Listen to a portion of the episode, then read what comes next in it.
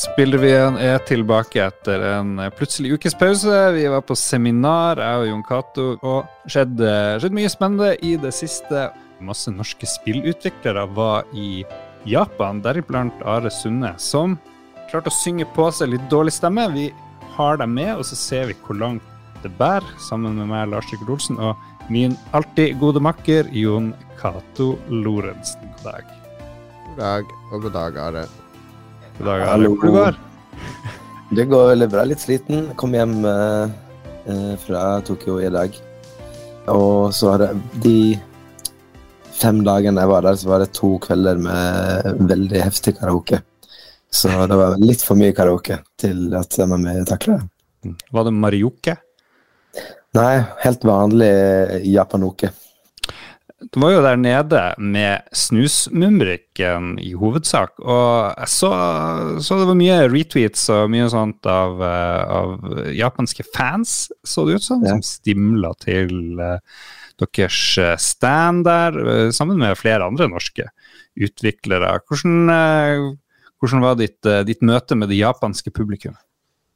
Det var, det var ganske eh, overraskende Eller hva skal jeg si Vi visste jo at Mumi var stort i Japan.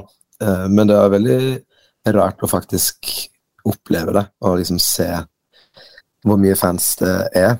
Eh, og altså, vi hadde jo en liten stand på, eh, på området der, og det er jo veldig stort. Veldig mange haller med veldig mange spill. Så er det selvfølgelig De fleste kommer jo for de store trippel A-spillene. Eh, men jeg tror ikke jeg overdriver hvis jeg sier at uh, blant alle indiespillene så var det ingen andre som hadde lang kø, uh, sånn som vi hadde. Hvor det var Folk sto jo på det meste opp mot to timer i kø for å få spille demonen vår i ti minutter. Så det var ganske utrolig.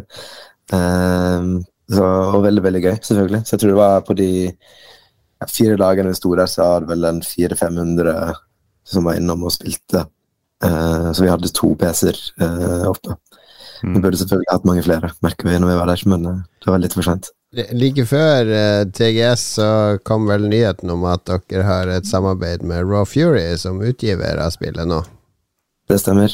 Så mm. hva, hva, er det dere oppnår med å være på messa og sånn nå? Er det å promotere spillet til fans, eller er det andre ting dere er ute etter? Ja, nå er det primært promotere direkte mot fans, og så var jo også uh, det her en fin test for å se Altså det som vi har lurt litt på. Vi vet jo at uh, at mye mer populært, men det er primært det er jo de karakterene, eller de søte karakterene, liksom, som er veldig populære i Japan. Så det vi ville teste ut litt, var om det var Er det bra nok overlapp mellom liksom, spillnerder og Mummi-fans, da? Uh, og det var veldig tydelig at, eh, at, det er der. Så det var en veldig fin test for oss på mm, mm. ja, luftet stemninga. Hvor viktig er det å ha en, en, en um, Er det publisher, er det det kalles for tida? Mm. Ja. Eller det er vel forlegger, det er vel kanskje det man sier på norsk. Mm.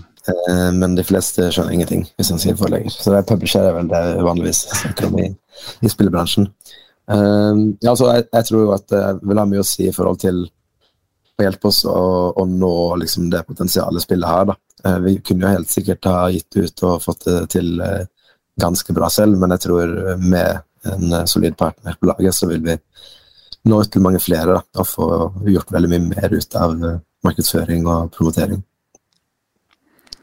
Nå har både Krillbite og Hyper fått spill i Raw Fury-paraplyen. Er det sånn her Best Friends Forever med, med huben?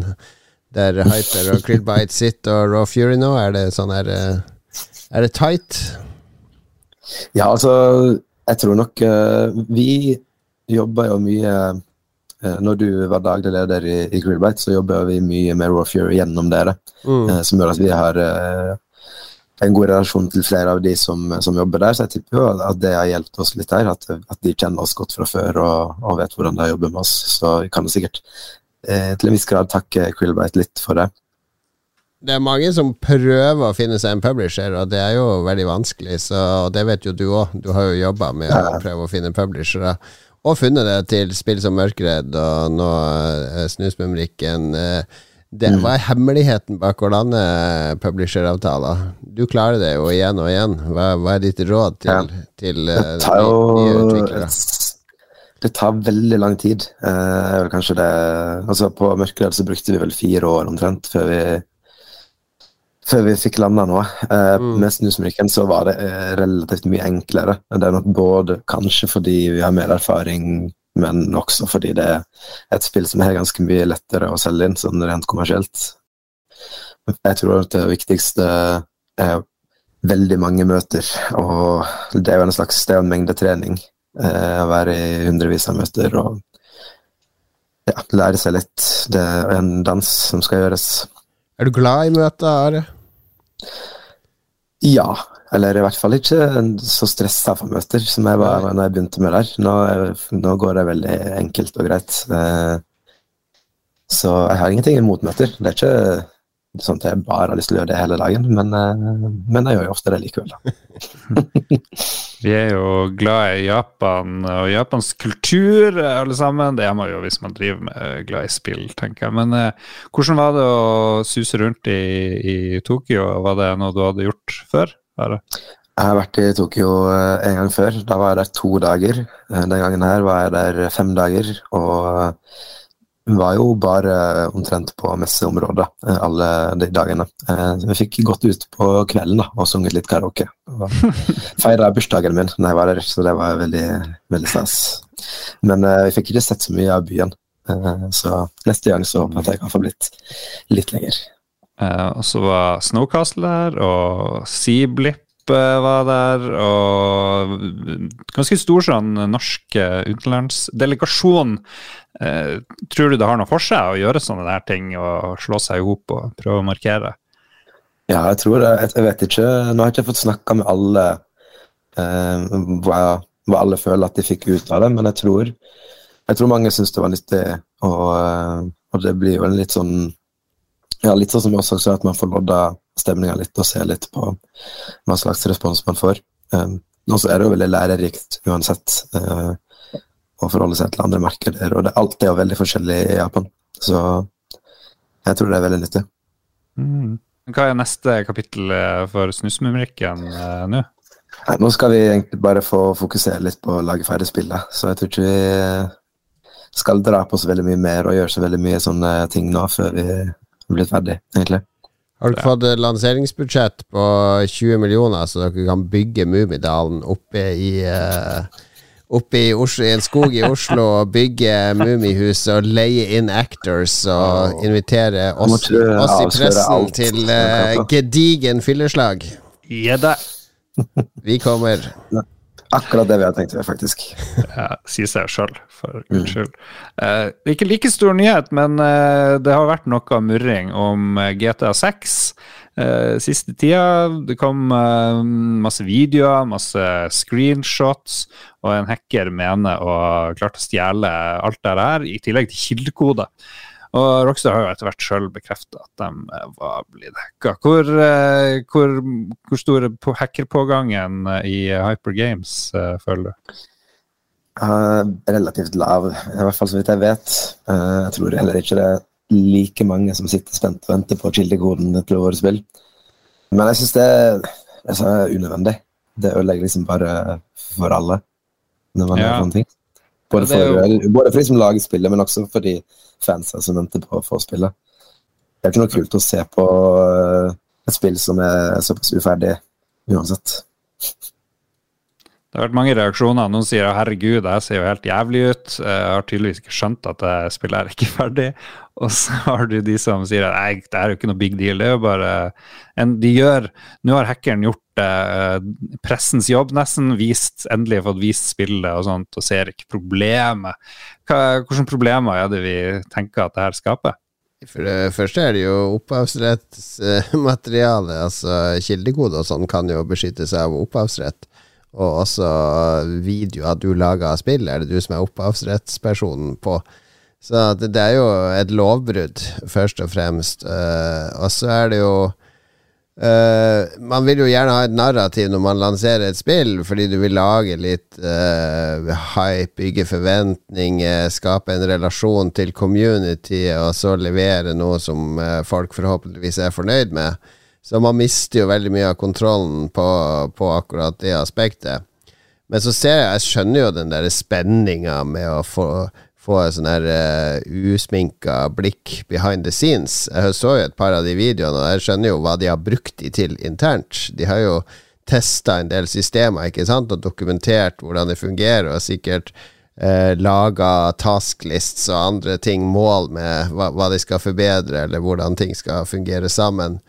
Uh, det er jo en ganske høy grad av polish på enkelte av de tingene som er lekka, til å være uh, såpass tidlig, sånn at det er jo mye som lover godt for det endelige spillet, så jeg tror ikke det har skada renommeet til spillet i stor grad. Det har avslørt en gjeng med, med sånne inkompetente eh, gamere som tror de er spillutviklingseksperter. Det er jo mange som tror at et spill er ferdig Først så bare designer man det på papir, og litt sånn storyboards og, og concept art, og så bare lager man akkurat det. Men det er jo ikke sånn det fungerer i det hele tatt. Men, men, så er det også sånn at uh, spillet ofte endrer seg ganske mye i løpet av utviklinga. Uh, så det kan være ting som er med nå, som folk syns er kult, som uh, kan bli kutta helt. Ja, ja, det, og, og spillutvikling liksom er jo feil forventninger. Ja, det er et stort eksperiment å lage et spill, ikke sant? der du har en masse Du lager en matrett på et kjøkkenet der du har en masse ingredienser, så tror du kanskje hva du vet hva det skal bli, men du smaker deg til underveis, og så skra kanskje heller du ut alt som er i kasserollen, og begynner litt fra scratch på, på akkurat den delen av retten, fordi det funka ikke helt med de smakssammensetningene og alt sånt. Så hele tida så går det å iterere og revurdere og kassere ting og innføre andre ting som kanskje funker bedre. Så, så det, det er jo det det ofte handler om når spill blir vist veldig tidlig sånn offisielt, så låser du deg til den visjonen du viser da. Da, da kommer du til en sånn point of no return. Hvis, du, hvis jeg ikke innfrir det vi har lova nå, det, det premisset vi har levert nå, så blir spillerne skuffa, og så blir vi anklaga for løftebrudd og, og, alt mulig sånn. Ja, Hvis du var sjef i Rockstar og opplevde sånn her lik, eh, hva du tror det hadde gjort med spillutviklinga og staben og sånt? Så vidt jeg skjønte, så ble jo det her uh, stjålet fra Slack-konto til en person, så de må vel i hvert fall uh, endre litt på hvordan de deler filer og, og, den type ting. Men det er klart, man får jo hacka til, altså. Det er vanskelig å sikre seg fra liksom, phishing uh, uansett når du har et så stort selskap med så mange folk. Så jeg vet ikke helt. Uh, Slutt på hjemmekontor, tenker jeg det blir. Det, det ja, har fort gjort at det, det jo, en ansatt som har hatt fest, fest, hjemme med jobb-PC-en som står og spiller file, og så drikker han for mye og sovner, og så har han en litt sånn der eh, kjip kompis som Oi, der er jo slekken hans åpen. Oi, se alt som ligger her. Få inn en USB-stikk. Mm. Altså, jeg tenker jo Det går jo i hvert fall over, utover arbeidsmiljø uh, og, og uh, de som jobber i Rockstar i, stor grad. Ja. Um, hva tenker vi om det vi har sett? Uh, virker veldig uferdig noe. Noe virker veldig ferdig. Jeg tenker, jeg, jeg har ikke sånn kjempesympati med de som har hacka, og sånt, men det er jo som uh, spillkonsument så syns jeg jo det er veldig gøy å se. Å ja, det, det fins uh, Kommet ganske langt. Uh, kvinnelig hovedkarakter. Får jo mye info som der uh, Rockstar de er jo notorisk kjent for å ikke dele noe som helst, egentlig, før de sjøl vil. De gidder ikke være med på E3, og de gidder ikke være med på noe som helst. Uh, kan det her tvinge dem på noe vis til å, å bli litt mer åpen seinere, eller er det Nei, det tviler jeg på. Tviler er. Ikke noe grunn til å være det. Nei, nei, nei. Men det, det er i hvert fall mye sånne litt såre eh, kommentarer noen steder, i hvert fall. Ja, endelig får vi se hva de holder på med. De det er som å se noen paparazzi-bilder fra settet til en ny Spiderman-film eller et eller annet. Altså, hvor interessant er det egentlig? Altså, det er jo filmen og filmopplevelsen Forskjell, forskjellen, uh, forskjellen, der er jo at uh, man skjønner som regel at det man ser på filmsettet uh, er uten CGI, og at det ser litt dritt ut. Men det virker som veldig mange her jeg syns det ser dårlig ut. Og at det er jo, det er jo veldig kjipt å starte lansering av et produkt med at man blir skuffa liksom, første gang man ser noe. Ja. ja. Nei, vi syns ikke det er noe særlig. Vi, tar og ser på en annen nyhet. Eh, The Sims 4 blir gratis, alle sammen. Og i løpet av oktober så vil uh, grunnspillet bli uh, fritt og franco for alle som ønsker å prøve seg på PlayStation, Xbox og PC, mens eh, tilleggspakken kan kjøpes. Og EA skal fortsatt gi ut flere tilleggspakker. Jon Cato, hvorfor er det her viktig? Det er viktig, fordi det er et av eh, verdens Altså, Altså Simserien er jo en av verdens største. Fem milliarder dollar har den vel solgt for 200 millioner spill, eller, eller noe sånt. Altså spillsalg. Så, så, det er jo en gigantisk serie, og litt sånn empiri, men jeg snakka med en del damer på jobben om gaming, og alle, veldig mange av de som ikke er så opptatt av gaming, har Sims-minner. ikke sant? De har vært innom Sims en eller annen gang. Det var til og med ei her om dagen som kjøpte Sims for å spille det på nytt, for det hadde jo ikke spilt siden hun var tenåring. Um, så det er en stor serie, og det EA gjør nå, er å gjøre det om til en Games as Service. Altså sånn som disse andre gratisspillene, som veldig ofte er actionspill uh, retta mot uh, unge menn, eller sånne grindy RPG-spill på mobilen. Og så har de da laget, Tar de det ultimate sandkassespillet og så sier vær så god, spill dette gratis så mye du vil. Så plutselig så er den terskelen, den der 300 eh, kroner eller hva du måtte betale, er borte. Og, og, så kan de jo selvfølgelig pøse på med mikrotransaksjoner og DLC og alt sånt, det kommer de jo til å gjøre. Men de gjør om Sim-serien til et Games as Service-spill, og det er et, uh, sikkert et riktig steg sånn businessmessig for EA å gjøre. Og det er litt rart at de ikke gjør det før nå, tenker jeg. Jeg er helt enig. Jeg tror også at uh, det, ja, at det er et spill som egentlig egner seg ganske godt til uh, en sånn type modell. Hvorfor det? Nei, altså Det er jo på en måte ikke et spill hvor man uh, vinner. Eller, altså Det er jo ikke noe sånn uh, Du får ikke de her problemene med konkurranse og pay to win og alt det her. Det er jo på en måte sandkassespill, som Jon Cato sier. Uh, også i forhold til å treffe den her målgruppa som, som spillet har.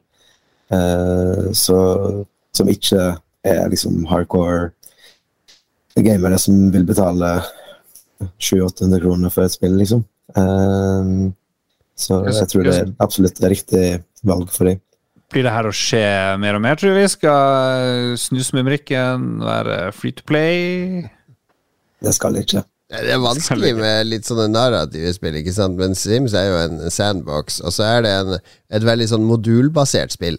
Så det kan være at uh, jeg ønsker å ha spillet med de fantasy-elementene, så jeg kjøper en eller annen sånn fantasy-pakke og en Tolkien-pakke og en goth-pakke og en vampyrpakke, og, og bygger mine hus og, og sim-liv med de elementene. Og i og med at de har så mange pakker og så mange ulike temaer og andre ting allerede, så blir det veldig lett å customize uh, opplevelsen sin og si her har du grunnspillet. Putt på 50 kroner, så får du vampyrer i spillet ditt. Putt på 100 kroner, så får du kjærlighetspakken. Altså Plutselig så har du Twilight uh, Kan du lage Twilight-bøkene i, uh, i, spillform hjemme. Jeg, jeg, tror det er et geni, genistrek av EA, det her. Jeg har masse gode ideer nå til EA. De kan få helt gratis fra meg. Eh, DLC. Sosialdemokrati, eh, DLC. Sims trenger ikke ha fem jobber parallelt for å kunne tjene nok eh, til å ha en familie. Du har eh, lav strømprispakken, f.eks., eh, hvor de kan ha mer på lys om natta osv. Se her. Her er det bare å ringe EA. Dette kommer så løpende på en snor. Vi skal også se på spillene som uh, har kommet. Vi må jo nevne Metal Helsinger, som jo er publisher av Funcom. Funcom har vel ikke utvikla så veldig mye? Ja, det kom uh, nå nylig Det er laga av noe som heter The Outsiders, et Stockholm-selskap. Men de er eid av Funcom, så det er jo basically Altså Funcom kjøpte de vel opp, så vidt jeg skjønte. Mm. Uh, og det ble vel lansert rett etter Gamescom, der Funcom var og hadde konserter med metal-konserter på Gamescom. Og fikk en del oppmerksomhet rundt det, og så får spillet ganske positiv mottakelse, så det er jo gøy for Funcom som uh, publisher og eier av utgiveren som står bak. Har, Are, har du rukket å teste noe Metal Helsinger? Jeg har ikke testa, men jeg har sett noen trailere og videoer på, i sosiale medier. Det ser veldig kult ut. Altså, En av utviklerne driver stadig og skriver at han gråter på Twitter fordi mottakelsen har vært så bra. Så det er mye lykke. altså, hvis du lager noe som metal-fansen føler er autentisk og bra, de er den mest dedikerte og positive fansen. Altså, de ser skumle ut, de har skinnjakker, de er fuck yeah! Drikker øl og, og virker litt sånn barbariske. Men de er egentlig verdens snilleste og mest dedikerte fans, som elsker metal og det du gjør. Og klarer du å, å få de over på din side, så har du fans for livet. Og så må vi nevne Return to Monkey Island. Ron Gilbert eh, ble skikkelig sur og stengte ned sin blogg eh, og kommentarfelt eh, fordi folk var så sur. Fordi mange fans likte ikke at det ikke var 8-bit og pixel-grafikk, sånn som de ønska det. Men nå er spillet snart uh, ute, hvis jeg skjønner rett? Det var ute, ble lansert i går, når du, hvis du hører denne episoden på lanseringsdatoen. Å ah, ja. Ah, ja. det kommer nå. Det er akkurat. Yeah. Herre min hatt. Så det kommer Jeg tror du kan spille det både med sånn revamped grafikk, som ser ut som litt sånn der uh, uh, Adult Swim-aktig. Altså det er litt sånn cartoonish, uh, men ikke sånn så la, altså Monkey Island fra treeren og fireren fikk en sånn litt sånn rar stil som splitta fansen. Det er litt sånn mellomting mellom det og, og originalgrafikken. Uh, og Noen av dem kalte den litt sånn flat, litt sånn livløs og sånn, så det var vel det han Gilbert ble lei av etter hvert. Alle sånne eksperter på internett som sitter og bedømmer en opplevelse basert på noen visuelle inntrykk eller noen skjermbilder eller noe sånt. Uh, men så jeg tror du kan spille det både med originalgrafikken og med den nye grafikken, så jeg har i hvert fall lasta det ned og skal mimre litt. Oi. Får du eh, originalaktig pikselgrafikk her? Det er news. Jeg mente det noen han sa det, men jeg skal ikke, ikke si det 100 sikkert. Veldig godt researchet i spillrevyen. Spiller Du visste jo ikke at det kom ut engang. Nei, nei, jeg har jo vært på hyttetur med deg i en uke, så jeg har ikke fått med meg noe. Seminar. Vi, kalte, vi skulle kalle det seminar. Ja, det var seminar. Vi har vært på seminar. Unnskyld. Har, eh, er, det, mm, er det den her eh, pek og klikk-sjangeren, var det noe du var opptatt av? Oh, absolutt. Eh, så jeg gleder meg veldig til å spille den. Jeg har veldig sterkt forhold til andre Monkey Island-spillene. Mm. Og syns for øvrig at den stilen ser ganske kul ut. Jeg er glad ikke det gikk for sånn Vi skal vi gjøre pixel art bare fordi de gamle var pixel art. Ja. Nei, men Da anbefaler jeg alle å laste det ned, så får vi se om vi hadde rett. At du kan velge mellom ulike grafiske ting. Ja, det ser ut som du kanskje ikke kan det, men uh, ja. altså, Det tror jeg ikke du kan. Det tror jeg du fant på. Ja, du fant det opp. det var noen som fortalte det til meg på hytta. Men det stemmer, det er remasteren av de gamle Monkey Island-spillene. Det blir jo laga en remaster, uh, i hvert fall på mobil. Uh, og der kunne man bytte mellom uh, remaster og grafikk og originalgrafikk. Så det var kanskje det du tenkte på. Ja. Det, nei, men uh, I'm looking forward to it. Jeg husker jeg sendte en uh, Jeg er jo en av de som har plaga Ron Gilbert uh, i historien. Han lagde The Cave. Og så husker jeg skrev da jeg var ny på Twitter at dette ser ikke ut som noe særlig bra. eller jeg hadde jo spilt det, da. Jeg var ikke helt uten Det var ikke, det var ikke som fengende. Ron Gilbert, du skuffer meg. Jeg skrev det ikke akkurat sånn. Og han ble oppriktig såra og skrev at nei, du må et godt spill det må du bedømme fem år senere, eller jeg husker ikke, det var noe sånt. Det, man skal ikke bestemme seg her og nå om et spill er en suksess eller ikke. Så jeg har vært med og vært en sånn plager for Ron Gilbert, og jeg angrer veldig. Du setter vel dødstrussel? Nei, jeg stoppa. Jeg var akkurat, akkurat i å true på livet. Nei, uff. Stakkars eh, Ron. Han er en følsom mann. Ja, men hvis du putter mye av deg sjøl i de spillene du lager, eller i, i, hvis du skriver bok eller lager film, og du putter mye av sjela di i det Så Det er jo baksida av medaljen, er at med en gang det kommer ut på internett, så er det folk som kommer til å bæsje på det. Og som kommer mm. til å trampe på det, og som kommer til å være frekk og, og utrolig kjip mot ja. det du lager. Og det Jeg vet ikke, må man være skikkelig hardhuda, Are, for å, for å klare å lage ting i denne bransjen? Altså, det er flere som har uh, gått på en smell uh, og mer eller mindre trukket seg ut fra i hvert fall fra offentlige spillbransjen. Uh, Phil Fish uh, hadde vel en tilsvarende mm. greie for en del år siden. Han som lagde Fess. Mm. Never forget. Um, Jeg tror altså, nå var jo Både han og, og Ron Gilbert er veldig, har vært veldig liksom, åpne og delt mye både i bloggform og sosiale medier. og og har fått mye oppmerksomhet der, og, og da får man også enda mer av den negative eh, oppmerksomheten, tenker jeg. Pluss at han har liksom laga et spill som, eller flere spill som så mange har så sterkt forhold til. Så det er veldig brennbart. Eh, Mm. Så jeg skjønner jo at folk engasjerer seg, men jeg tror kanskje folk glemmer at det er liksom eh, personer som sitter i andre enden.